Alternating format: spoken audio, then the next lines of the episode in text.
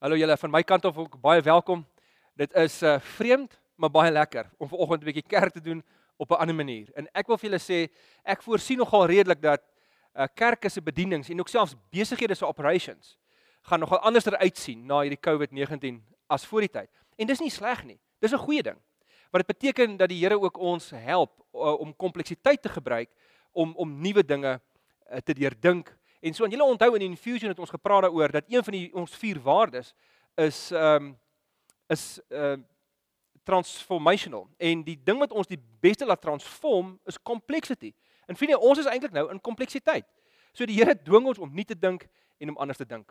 En en dis vir ons goed. So ons, ek hoop daar wie julle sit met julle koffie en julle muffin by die huis, geniet julle en sit julle regtig lekker agteroor en kan ons lekker gesels oor 'n paar goed. So vriende, die wêreld om ons het baie vinnig verander die laaste 2 maande. Ons het uh, oor die 226000 uh, uh, gevalle opgetekende gevalle van COVID-19 uh en ons het uh, daar's 9000 sterftes alreeds. En natuurlik moet jy vir jouself sê om 'n bietjie perspektief te behou, me, mense sterf nog steeds vandag aan ander siektes baie meer as aan die koronavirus. Ek bedoel mense, daar's meer mense vandag wat sterf aan tuberkulose, aan hongerte uh en 'n klomp ander dinge in ons uh, samelewing, malaria en selfs verkoue en natuurlik HIV. Is daar meer mense wat aan sterf. Maar in hierdie in baie van die gevalle is hierdie siektes redelik contained en dis redelik uh, op hulle plek, maar wat die COVID-19 nog steeds 'n uitdaging maak en dis waarom dit goed is dat ons onsself so bietjie isoleer, dat ons 'n bietjie anderster optree is die geweldige eksponensiële groei wat hierdie virus toon. Eksponensieel beteken ons voel dat nog nie die resultate nou hier by ons nie, maar omdat hy so geweldig vinnig groei, kan môre alles verander of dit kan baie rustiger wees. Ons weet nie. In elk geval, wat ons ook al, wat die situasie ook al gaan wees, ons doen die regte ding. So, hoe hanteer 'n mens hierdie dinge? Ons moet vir onsself 'n paar dinge sê. Virusse en epidemies is vir die kerk van die Here in die geskiedenis niks vreemd nie. Ons deel met epidemies van die heel begin af. Ons ek, ek dink aan die die Antoniniaanse uh epidemie wat daar in die 2de eeu na Christus plaasgevind het en in die 3de eeu was daar die Sipriaanse epidemie waar en in albei van hierdie het elke keer is 25% van die ganse Romeinse populasie die Romeinse ryk is uitgewis. En in hierdie tye het die Christene vir hulle self naam gemaak deur die manier wat hulle opgetree het. Meeste mense het gevlug uit die stede uit. Die Christene het gebly en het 'n geweldige verskil gemaak in hierdie tyd. Ek dink aan die 1500s toe die reformatie plaasgevind het met Martin Luther en Calvin en uh, Zwingli en Melanchthon en al daai ouens. Toe was daar die groot wat hulle in Engels noem die bubonic plague, die groot swart dood wat 60% van Europa se populasie uitgewis het. En ons gaan net 'n bietjie meer kyk na wat Martin Luther gesê het oor hierdie epidemie in hierdie tyd. Maar die vraag is, en dis waaroor oor vanoggend se boodskap gaan. Hoe deel ons hiermee? Ons begin hierdie week 'n nuwe reeks so in ons huise wat ons noem wonde van die kruis. En ons want dis ons is op pad na Paastyd toe. 'n Paasnaweek is op pad en ons sien baie uit daarna en so wat sê ons vir mekaar rondom die kruistyd en spesifiek die wonde van die kruis. Hoe deel ons in hierdie nuwe reeks? Wat is ons boodskap in hierdie reeks? Ons het besluit om ten spyte van corona ons reeks nie te verander nie.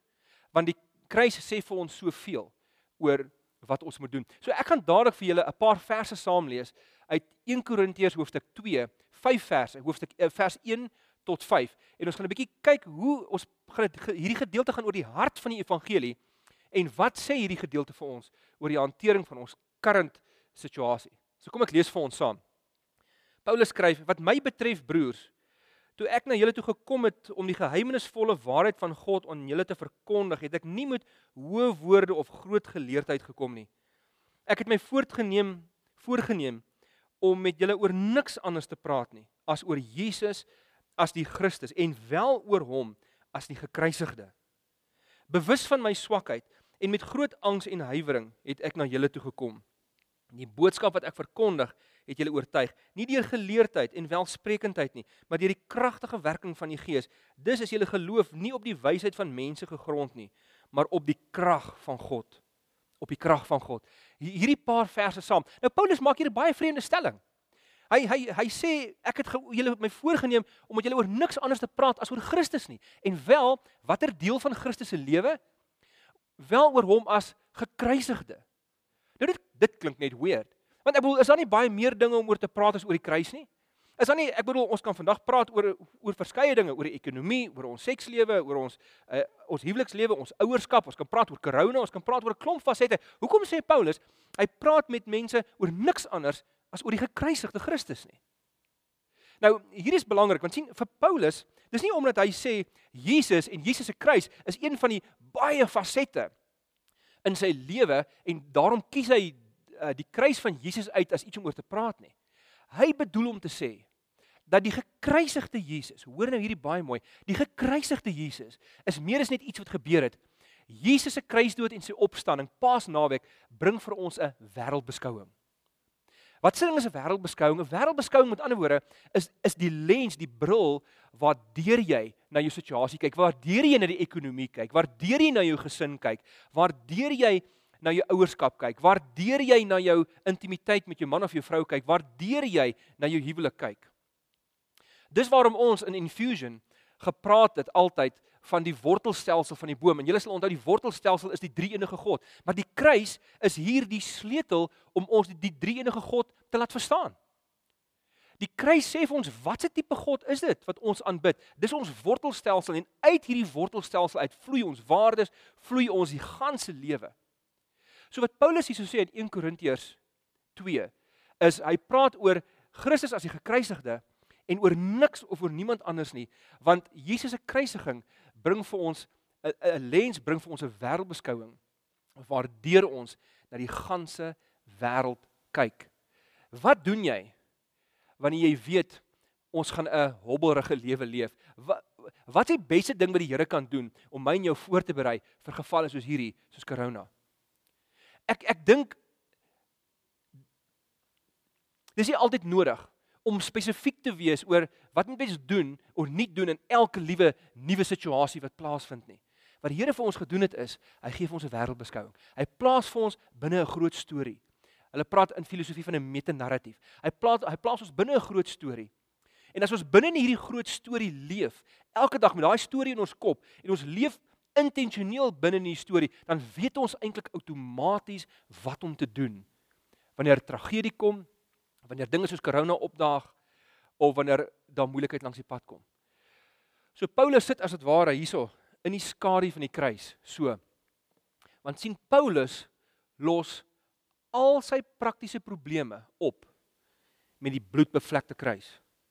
Ons sien dit in die Korintiërbrief. Ons sien dit in die hele res van die brief. In hoofstuk 1 tot dan praat Paulus oor nie net die eenheid in die gemeente nie, maar hy praat ook oor of nie wat die gebrek aan eenheid in die Korintiese gemeente, maar hy praat ook oor die wysheid van God.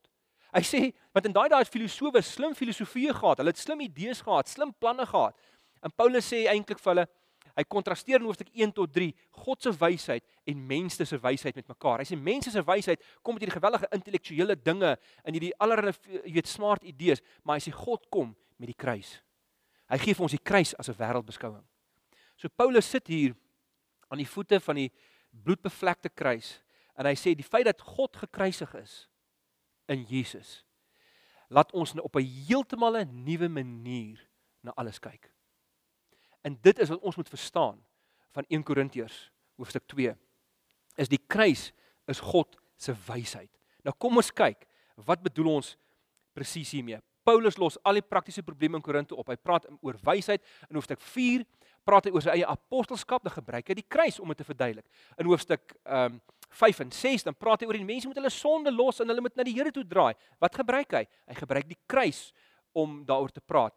In hoofstuk 8 en uh, hoofstuk 7 eers praat hy oor die huwelik. Wat gebruik hy? Hy gebruik die kruis om die probleme in die huwelik op te los. In hoofstuk 8 en 10 dan praat hy oor die afgodsvleis in daai tyd, wat mag ons doen en wat mag ons nie doen nie? Wat is reg, wat is verkeerd, wat is wys, wat is onwys? En hy gebruik die kruis om vir mense te sê hoe hulle moet optree.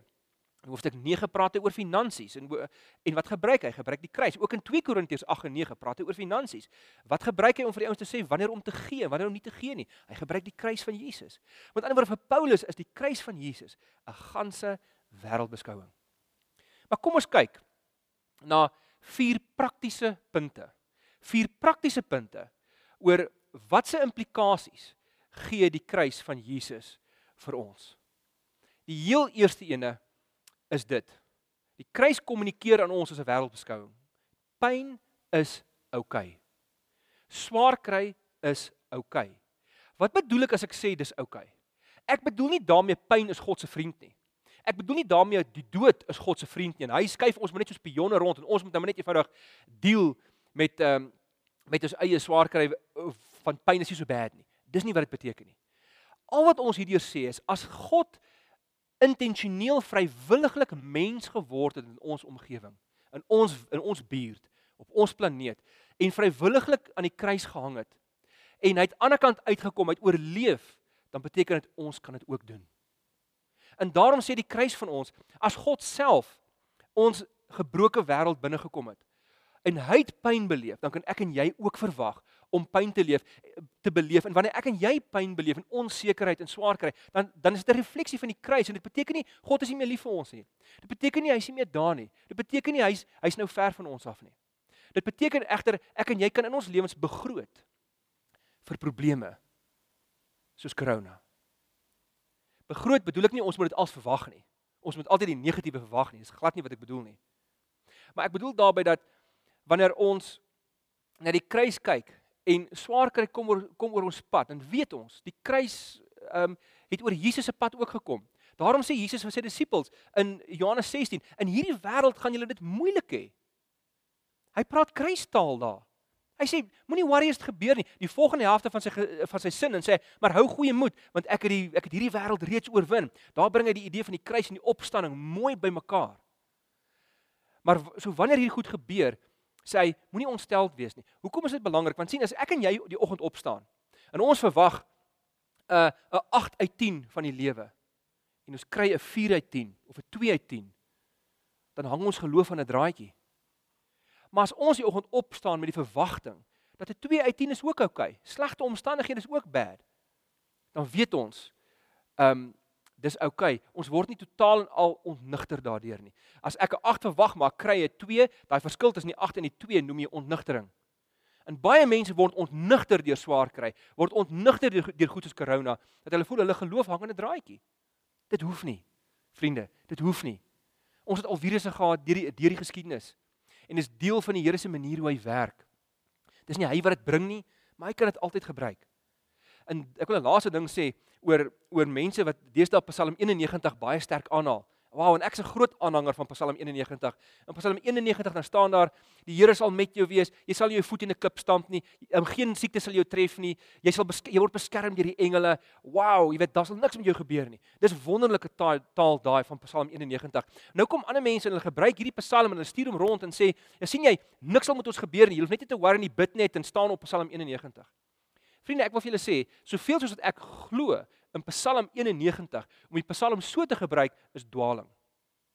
Dis dis teologies inkorrek en is onbybels. Wat bedoel ek daarmee? Kom ons praat gou oor die Psalms. Daar is 'n wye verskeidenheid van Psalms. Die Psalms is God se woord, net soos Paulus se briewe, net soos die evangelies, maar die manier die die pakkie waarna dit na ons toe kom is heeltemal anders.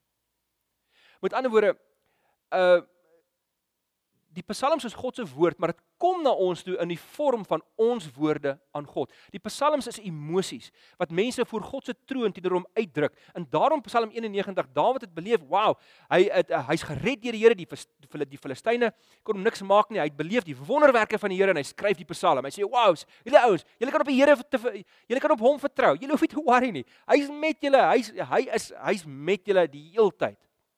Maar hy sê net Dawid Skryf in Psalm 13. Hoe lank nog, Here, gaan U van my af wegkyk? Hoe lank nog moet ek my dae met kommer deurbring? Hoe lank nog gaan my vyand oor my heers? Hoe lank nog moet ek hierdie swaar kry deurduur? En en hy's moedeloos en hy ly en hy kry swaar. Hy's glad nie so optimisties dan soos in Psalm 91 nie. Ook Psalm 22 sê hy: "My God, my God, waarom het U my verlaat?" Hy voel asof die Here nêrens is nie, asof God hom verlaat het. Nou dit beteken nie die Here het hom regtig verlaat nie, maar hy voel so. So tussen Psalm 91 en Psalm 13 of selfs 73 waar Asaf skryf: "Here, U laat dit goed gaan met die goddelose met my wat 'n gelowige is, gaan dit so sleg." So vriende, dit kan sleg gaan met gelowige mense. Psalm 91 vrywaar ons nie. Wat die Psalms dan vir ons sê is tussen die twee pole, Psalm 91 en Psalm 13, 73, 22 Tussen hierdie twee teenpole van die Here se oorwinning en ons swaar kry, tussen hierdie twee pole leef ek en jy elke dag. En daarom kan ons al twee van hierdie dinge in ons lewens verwag elke dag. Sodat wanneer swaar kry gebeur, hoef ons nie te dink God is nie daar nie. En wanneer dit goed gaan en die Here bring uitkoms, ja, dan sing ons uh Psalm 91 vir mekaar. En ons sê ja, die Here is goed. Wow, hy het opgedaag. Maar pyn is oukei. Okay. Dis alright. So wanneer corona langs die pad kom, dan hoef ek nie God se liefde te doubt nie. Ek hoef nie te wonder daaroor nie. Hy's met ons. Die kruis van Jesus sê dit vir ons. Die tweede, ek moet miskien dit sê. Voor ons, voor ons by die tweede kom, uh, kom ons gaan net eers weer terug na die vorige enetjie toe, toe nommer 1. Uh ja, Jaco Strydom hulle sê sê altyd vir ons uh daar by Echo House dat moeilikheid is ons besigheid. En wow, business is booming. en dit is so belangrik. Ons ons kan moeilikheid verwag. Moeilikheid was nog altyd die kerk se kos. Dis waar ons nog altyd die sterkste na vore gekom het, die beste gedoen het. So ons hoef nie moeilikheid te vrees nie. Die Here is steeds met ons. Die tweede punt. God is met ons in ons donkerste uur. Dis wat die kruis ook in ons kommunikeer. Dis waarom Paulus sê ek praat oor julle oor niks anders as die gekruisigde Jesus nie. Want as jy op die gekruisigde Jesus staan, dan beteken dit dit jy uh, dit gee vir jou 'n lens waardeur jy na corona kan kyk. En die een ding is dit, die kruis sê vir ons dat God is met ons in ons donkerste uur. Mense vra baie keer vir my, hoe kan God ons laat swaar kry? En hoe kan God ons laat ly terwyl hy veilig in die hemel sit en ons sit hier onder in suffer? Nou vriende, daar's twee maniere hoe ons kan deel met swaar kry. Of hoe mense histories probeer om te deel met swaar kry. Die eerste is hulle wil weet hoekom. Hoekom gebeur dit? Hoekom gebeur dit met my? Het ek iets verkeerd gedoen? Is God kwaad vir my? Nou, dis 'n baie natuurlike vraag om te vra. Maar die geskiedenis en ervaring wys vir ons dis nie 'n baie produktiewe vraag nie, want wat gaan jy nou doen as jy weet? Ehm um, sosiologie en sielkundige studies wys vir ons selfs al weet mense waarom hulle swaar kry, dit help hulle nie eintlik nie. Daar's 'n tweede vraag wat ons vra wanneer ons swaar kry. Dit is hoe cope ek met swaar kry? Dis die meer praktiese vraag. Dis eintlik die Bybelse vraag. Want die Bybel beantwoord nie eintlik die vraag nou hoekom ons swaar kry nie. Behalwe as jy Genesis 3 en 8 neem, dat ons leef in 'n gebroke wêreld. En dis dit. Ons leef in 'n wêreld met disharmonie.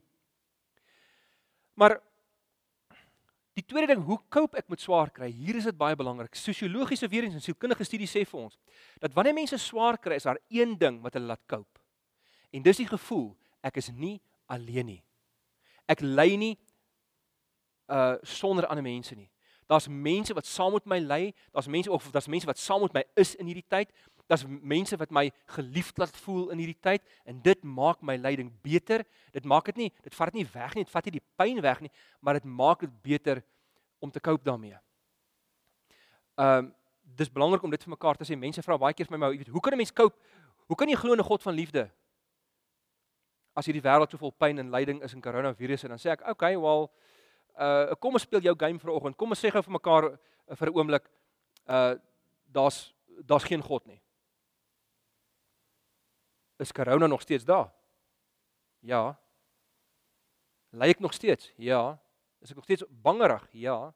Die enigste verskil is nou as ek God uit die prentjie uithaal, haal ek 'n baie belangrike ander ding ook uit die prentjie uit en dit is hoop. Ek sal liewer ly met God as ly sonder hom. So lyding sonder God of lyding met God is erg genoeg, maar lyding sonder God is ondraaglik. En daarom het die daarom is die kruis verkondig aan ons dit. Ons is nie alleen nie. Wanneer ons aan die voete van die kruis kniel in ons swaar kry. En vriende, ons is nog nie regtig op punt waar ons swaar kry nie. Corona is nog glad nie daar nie. Ons het leef eintlik nog goeie lewens. Al wat ons wat ons vang is die onsekerheid dink ek en die vrees. Maar wanneer ons kniel aan die voete van die kruis en ek bring my werkloosheid kruis toe, dan sien ek aan die kruis iemand wat dieselfde soort pyn beleef as ek wat my werk verloor het. Wanneer ek kniel aan die voete van die kruis omdat ek deur 'n egskeiding is en ek voel verraai, dan sien ek aan die kruis die seun van God wat verraai is. Wanneer ek 'n kind in die dood afgestaan het en ek kniel aan die voete van die kruis, dan sien ek aan die kruis 'n pa wat 'n kind verloor. Wanneer ek uh, met corona kniel aan die voete van die kruis dan sien ek dat 'n Messias het voor my uitgegaan en hy het my ontmoet. Hy ontmoet my in hierdie wêreld in my donkerste uur. Hy verstaan waartoe ons gaan. Hy verstaan deur ons gaan. As mense deur depressie gaan, wys navorsing vir ons wat hulle depressie soveel moeiliker maak, is die illusie dat hulle dink ek ly alleen. Ek is die enigste een in die wêreld wat depressief is. En die Here kom na ons toe aan die kruis, praat hy met ons. Van die kruis af praat hy met ons en sê ek is met jou. Ek ly saam met jou. Ek is saam met jou onseker. Ek ek deel in jou onsekerheid. Daar's die, die die storie word vertel ware verhaal van 'n seentjie in Europa wat by 'n 'n 'n pet shop aangaan om 'n klein hondjie te koop. En ek weet nie wat so 'n soort hondjies dit was nie, maar hy kom by die klein werpseltjie en hy sien daar's een klein hondjie wat heeltemal gebreklik is. Sy agterbeentjies werk glad nie. Hy sleep homself sy agterlyfie so so met sy voorpootjies. Hy hy kan eintlik uh, hy's heeltemal gebreklik gebore. En hy sê toe vir die winkeleienaar, ek wil daai enetjie hê. En die winkeleienaar sê, "Nee, ek het eintlik vergeet om hom uit te haal. Ons gaan hom ons gaan hom uithaal en hom van kant maak want hy, jy weet, ons kan hom nie so verkoop nie." En die seentjie raak kwaad en hy sê, "Ek wil hierdie enetjie hê." En hy beklei en die oom, die winkeleienaar beklei met hom en hulle raas en uiteindelik trek die seentjie sy langbroek op. En toe hy sy langbroek optrek, toe wys hy vir die winkeleienaar hy het sulke braces, sulke Forrest Gump braces. En die seentjie sê vir die oom, "Hierdie hondjie soek iemand wat verstaan." Dis wat die kruis vir ons sê. God verstaan. Hy's daar vir ons. Hy's met ons. En hy stap die pad saam met ons. Vriende, 'n derde punt wat die kruis vir ons gee is dra Jesus se kruis vir ander. Dra Jesus se kruis vir ander mense. Dit beteken dat as Jesus kom ek dra dit om. As Jesus per ongeluk aan die kruis gesterf het, soos wat baie teoloë vandag sê, hy het ontnigter aan die kruis gehang. Baie ander mense sê nee, okay, God het sy kruisdood gebruik, maar dit was nooit God se doel om hom te laat sterf aan die kruis. Die Romeinse ryk het hom gekruisig. Dit was nie God se wil nie. Nou as Jesus per ongeluk gekruisig is, dan beteken dit eintlik nie veel vir ons. Dit beteken maar net okay, soos wat hy sy pyn gedra het, kan jy weet met ons dit nou ook maar dra en jy weet en so aan. Maar hier is die boodskap van die Bybel. God het intentioneel kom hang aan die kruis. Doelbewus. As hy doelbewus aan die kruis kom hang het, vriende, weet jy wat sê dit vir ons? Dit sê vir ons hy het doelbewus kom wys hoe compassionate ons veronderstel is om te wees. Want dan beteken dit as hy dit intentioneel gedoen het, beteken dit hy het dit kom doen uit sy liefde. Hy het dit kom doen want hy moes. Daar's 'n Griek, klein Griekse woordjie in die Lukas Evangelie wat regdeur gebruik word. 'n Kort woordjie, sy naam die die woordjie is net dei. Jy spreek dit in Grieks net so uit, dei. Die woord dui dui beteken egter 'n hele lang sin. Dit beteken dit is noodsaaklik dat. En die Lukas Evangelie is vol daarvan. Dit dit is noodsaaklik dat Jesus moet kom sterf. Hy praat dat sy eie dood noodsaaklik is. God het dit gewil. Dit moes gebeur. Hoekom? Want God wil dit uit sy liefde uit, uit sy compassion uit. Nou as dit so is, as Christus intentioneel vir ons kon sterf het, vriende, dan beteken dit dan kommunikeer dit aan my en jou ekstreme compassion. Ekstreme compassion. Hy het intentioneel die opoffering gemaak. En dit beteken ek en jy moet intentioneel opofferings maak vir ander mense. En hier's hoe die Christene in die geskiedenis dit gedoen het. Ons moet ander mense se lewens, ander mense se gesondheid stel bo ons eie. Soos wat Jesus dit gedoen het. Dit beteken as ek met hande was terwyl van die besmetting om my, dan was ek my hande. As ek myself moet isoleer wanneer ek simptome toon, dan isoleer ek myself. As ek mense moet gaan versorg wat die virus het of vir hulle inkopies moet gaan doen, dan doen ek dit. Wanneer ek myself moet gee vir ander mense, dan doen ek dit. Ek gee my lewe. En vriende, in hierdie tyd waar moet ons kyk na die kwesbares, die oueres in ons samelewing, hulle wat hulle wat regtig regtig kwesbaar is, mense met kwale, mense wat reeds lae immuunstelsels het. Ons moet ons moet kyk na hulle. En ons moet Jesus se kruis ook dra. Dis waarom hy sê in Lukas 14, julle moet julle kruis op opneem en my volg. Ons dra eintlik sy kruis. Sy kruis vir die wêreld. Dit beteken as ons na Jesus toe kom, as ons die eerste dag gekniel het aan die voete van die kruis, dan is ons almal dead men en dead women walking. Ons het eintlik al reeds gesterf in onsself. Ons leef nou vir God en vir ander. So ek wil vir julle ek wil julle uitdaag in hierdie tyd. Kyk waar jy iets kan doen vir mense kyk hoe jy kan uitreik na mense toe. Kyk waar jy kan dien en kan help sonder om mense gevaar te stel met met moontlike besmetting. Martin Luther in die tyd van hierdie geweldige besmetting wat 60%, hoor nou weer, wat 60% van die populasie uitgewis het in Europa. Hy skryf die volgende. Hier hier sê hy wat gaan hy doen? Hy sê I shall ask God mercifully to protect us. Then I shall fumigate, help purify the air, administer medicine and take it. I shall avoid persons and places where my presence is not needed in order not to become, become contaminated and thus inflict and pollute others and so cause their death as a result of my negligence. Hy say, verder, if God should wish to take me, he will surely find me. And I have and I have done what he has expected of me so that I am not responsible for either my own death or the death of others. If my neighbor needs me, however, I shall not avoid place or person, but will go freely as stated above. Liter sê hy sal opofferend wees. Hy sal doen wat nodig is. En vriende, ek wil regtig vir julle uitnooi. Ek het vanoggend met my kollegas net eh, 'n uh, bietjie gepraat en bevestig en wel die hele week praat ons daaroor dat ons as 'n leraarspan wil graag vir julle as 'n gemeente bid. En ons wil vir julle vra dat julle vir ons julle gebedsversoeke sal stuur. As ons julle kan dien op 'n of ander manier, as ons as julle julleself moet isoleer en julle kan julle eie inkopies doen nie, laat ons weet, laat ons bid vir julle en laat ons julle inkopies vir julle gaan doen.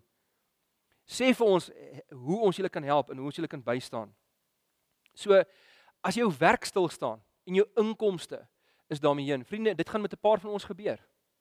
Dit het al reeds met 'n hele paar mense gebeur en ons harte gaan uit na julle. Ons wil vir wil vir julle vra laat weet ons dat ons kan intree vir julle. Dat ons kan bid vir julle. Hê hê kontak met ons en sê vir ons hoe ons kan help. Ons weet party mense die die aandelemarkte is besig om in een te tuimel. Baie mense se se pensioen word sleg geaffekteer daardeur. Ons weet nie hoe dit als gaan werk nie. Maar as ons kan help op enige manier, laat ons weet. En vriende, ek kan nie anders as om in hierdie tyd onder hierdie spesifieke punt punt 3 te praat oor ons dankoffers ook nie. Ons kan duidelik sien dat ons gaan 'n hele paar mense moet help in hierdie tyd. En daar's 'n daar's drie groepe mense onder ons wat hierna kyk vandag wat ons gemeentelede is. As mense wat alreeds jou finansies tot barstens toe gee. Jy kan nie nog gee nie. En ek wil vir julle vra asseblief moenie. Um wees rustig. Dankie vir wat julle doen. Dankie vir die bydrae wat julle ding uh, wat julle vir ons gee oor die jare en julle is 'n steun die kerk en julle is 'n steun die missie van die kerk. Dankie daarvoor. Dan is daar 'n paar van julle wat al gee, maar jy kan nog 'n bietjie gee. Ek wil in hierdie tyd vir die vra wat al 'n bietjie gee, maar wat nog kan gee om meer te gee. En die rede vir dit is ander mense gaan in hierdie tyd nie meer kan gee nie. Omdat hulle eenvoudig hulle finansies dit nie gaan toelaat nie. En ons moet daai mense dra vir hierdie tydperk. Ek wil vir julle vra, gee meer as jy kan. Jy gee dit direk vir mense wat um wat reg sukkel en en jy gee dit vir die gemeente wat gaan probeer om ander mense te help in hierdie tyd. En dan is daar 'n derde groep van julle wat dalk nog glad nie gee, uh, gee nie. En vriende, ek wil vir julle mooi vra en ek sê dit in baie liefde vir julle, maar dis nie aan nie. Julle gaan ons moet help. Hier's hulp, dis krisistyd. Kom ons sluit aan by die historiese verhaal van die kerk wat deur die gees van God gedryf is. Kom ons sluit aan by die storie van die antieke kerk dat ons nie net opkoop ter wille van ander nie, dat ons vir alle mense ook toiletpapier los. Dat ons vir ander mense ook ehm um, spuitmiddels los, hand sanitizers hand sanitizers los. Help ons om ander mense te help en een van die maniere wat jy kan doen is om te gee. As jy dan meer as een ding koop, deel dit uit vir ander wat nie het nie of wat struggle daarmee. Maar kom ons gee onsself in hierdie tyd vir die Here. En weet jy wat, soos ek gesê het, ek is 'n bietjie meer optimisties oor corona, maar eh, as ek sê optimisties, dan bedoel ek nie dat ons regtig weet wat gaan gebeur nie. Ons weet nie. Ons is nog by 'n punt waar ons regtig in 'n diep diep krisis is nie. Maar ons is dalk op pad soontoe, ek weet nie. Maar selfs al gaan dit op die ergste, selfs al gaan dit op die slegste, het Martin Luther hierdie ongelooflike ehm um, aanhaling mee afgesluit. Hy het die volgende gesê. Hy het gesê, "We die at our posts. Christian doctors cannot abandon their hospitals. Christian governors cannot flee their districts. Christian pastors cannot abandon their congregations." The plague does not dissolve our duties, it turns them into crosses on which we must be prepared to die. Vriende, hier is die evangelie. Nou wil ek vir julle dadelik vra in ons wêreld dink ons dalk, "Wow, maar dis 'n bietjie heavy." En die rede waarom ons dink dis 'n bietjie heavy is dat ons he, leef in 'n 'n tegnologiese wêreld waar ons ehm um, waar ons nie geleer het hoe om met siektes te deel nie, want meeste van die siektes is uitgewis. Meeste van die siektes is in die arm gebiede. Dis nie by ons nie. En daarom sê baie mense ons is nie kultureel en geestelik voorberei om te deel met iets soos corona nie. En daarom kan ons nie so iets indink om onsself regtig te gee nie. Maar kom ek vra vir jou so, voor jy dink, "Heng, moet ek nou my hele veiligheid opgee? Moet ek al my jou goed opgee?" Kom ek vra vir die vraag so. In watter verhaal wil jy graag leef? Wil jy graag in 'n in 'n Christuslose, in 'n kruislose verhaal leef of in 'n Jesus verhaal wat kruisloos is? Waar mense nie hulle lewens vir mekaar opoffer nie. Waar buurmanne nie na mekaar omsien nie. Waar man en vrou nie na mekaar kyk nie. Of wil jy leef binne in hierdie verhaal van die gekruisigde Christus?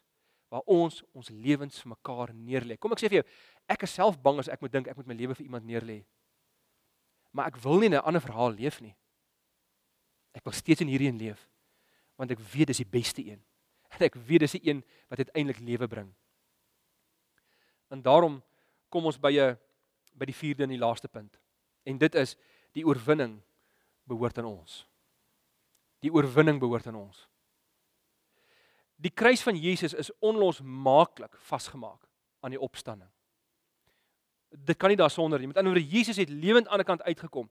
Hy is daarom die een wat sterker is. Dis die opstanding wat vir ons die hoop gee. As Jesus net gekruisig was hy het nie opgestaan uit die dood nie, die kruis niks beteken nie. Dan was hy net een van die 12 ander Messias figure wat ook gekruisig is. En wie se wie se bedienings en wie se bewegings als doodgeloop het. Maar vriende, hy het opgestaan dis iets om te celebrate. Dit beteken ons ly nie soos mense sonder hoop nie. Ons vrees nie soos mense wat nie hoop het nie. Wat ons oog nie op Christus het nie. Ons ons ly anders. Ons kry ons kry wel swaar en ons is wel op onseker, maar op 'n ander manier want ons weet die kruis wat ons nou beleef saam met Jesus lei na nuwe lewe. Dit lei na opstanding. En daarom vrees ons nie. En dis wat ek net nou bedoel het om te sê Jy weet, ehm um, as jy die opgestane Christus uitneem, as jy God wegneem uit swaar kry uit lyding uit, dan sit ons net met lyding. Dan weet ons nie of enigiemand ons hulp roep hoor nie.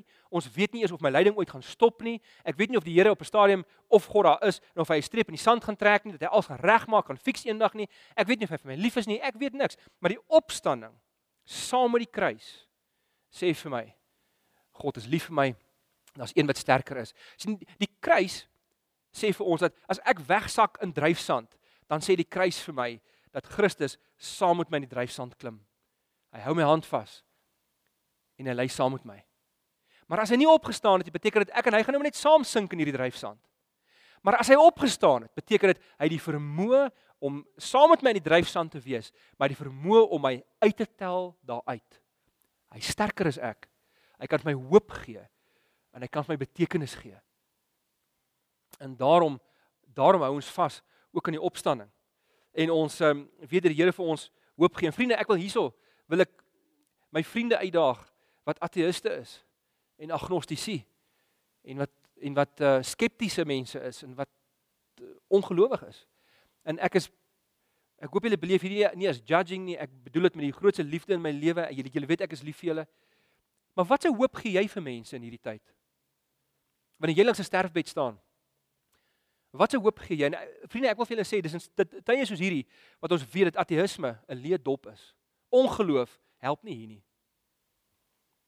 Trouwens die nuutste studies wys vir ons dat die sekulêre wêreldbeskouinge wat besig is om te ontwikkel, help ons nie om te deel met swaar kry en met lyding nie. Dis hier waar geloof alles vir mense beteken. So ons wil vir julle vra, gee hulle gebedsversoeke deur vir ons. Ons wil graag die pad saam met julle stap. En daarom kom ons wees versigtig. Kom ons doen wat nodig is, maar kom ons vrees nie. Kom ons laat nie dat hierdie ding ons ons kop domineer nie. Kom ons hou ons oë op die opgestane Jesus. C.S. Lewis in 'n tyd van die Tweede Wêreldoorlog toe uh, die tweede jy weet toe die Battle of Britain plaasgevind het en hulle het gedurig uh, elke dag daar bomme geval en daar was sprake van 'n atoombom wat op Londen gegooi gaan word. Toe sê C.S. Lewis op die radio het hierdie het hierdie uitsending en hy sê aan die mense die volgende. Hy sê we're going if we're going to be hit by an atomic bomb, let it find us doing sensible things, praying, working, reading, not huddled together like frightened sheep thinking about bombs. It may break our bodies, but it mustn't dominate our minds. Vriende, so kom ons kyk vorentoe met hoop en met liefde na mekaar. Julle almal sal onthou ek het jare gelede het ek 'n storie vertel van van Horatio Spafford wat die sang geskryf het It is well with my soul. Hy het dit geskryf net na hy se vier dogters aan die dood afgestaan het. Hulle het verdrink in die Atlantiese Oseaan met 'n skip wat gesink het. En in daai tyd skryf hy hierdie sang. Hy sê it is well, it is well. It is well with my soul. En ek dink nie hy het dit geskryf, jy kan hoor die Engelse sang is stadig geskryf, daar's viool by, dis hartseer terwyl hy hierdie woorde sing. Dis nie sommer net 'n blasey ontkenning van sy eie realiteit nie. Maar in hierdie sang erken hy die opstanding, hy erken die waarde van die kruis, hy erken dat die Here groter is as sy pyn. En daarom sing hy hierdie woorde it is well with my soul en 'n uh, moderne skryfster met die naam van uh, Christine De Marco het hierdie lied vir hom gevat en 'n nuwe sang geskryf wat waar sy dieselfde woorde gebruik het. It is well. It is well with my soul. Eintlik skryf sy aanvanklik through it all. Through it all. My eyes are on you are on you. Through it all, through it all, my eyes are on you. It is well. It is well.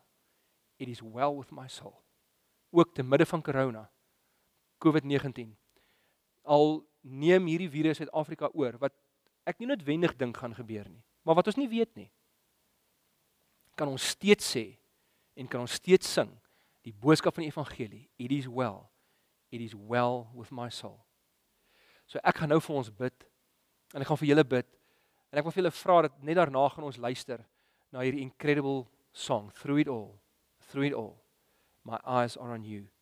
Kom ons bid saam. Ons lewende Here. Dankie dat ons weet u lewe. En u is met ons, soos wat jy u net nou gesê het in die hosting en dankie dat ons weet u stap voor ons uit. U het voor ons gestap deur die kruis na die opstanding toe. Help ons Here om nie te vrees nie. Help ons om bil te wees, maar versigtig en verantwoordelik op te tree. Help ons om die regte goed te doen en die regte goed te dink. Help ons om ons medemens lief te hê. Help ons om hierdie as 'n geleentheid te sien om die koninkryk te verkondig en die wêreld 'n beter plek te maak, Here Jesus. Wees met mense wat vrees, wees op almal met almal wat ingeskakel is op hierdie oomblik. Here, ehm um, wees in daai huis, wees met huisgesinne wat verteenwoordig ehm um, word deur die verskillende TV's en laptops en rekenaars wat ingeskakel is op ons. Here, wees met mense wat dalk al hulle self moet isoleer wees met mense wat hulle werk wie se werk tot stilstand gekom het. Wie se maatskappye toegemaak het. Here, dankie dat ons weet U is met ons en dankie dat U vir ons sê, onthou, ek is met julle al die dae tot die volëinding van die wêreld. Here, Here, ons celebrate U teenwoordigheid. Ons celebrate U liefde. Seën ons asseblief. Dankie dat ons weet ons is geseëndes in Jesus se naam.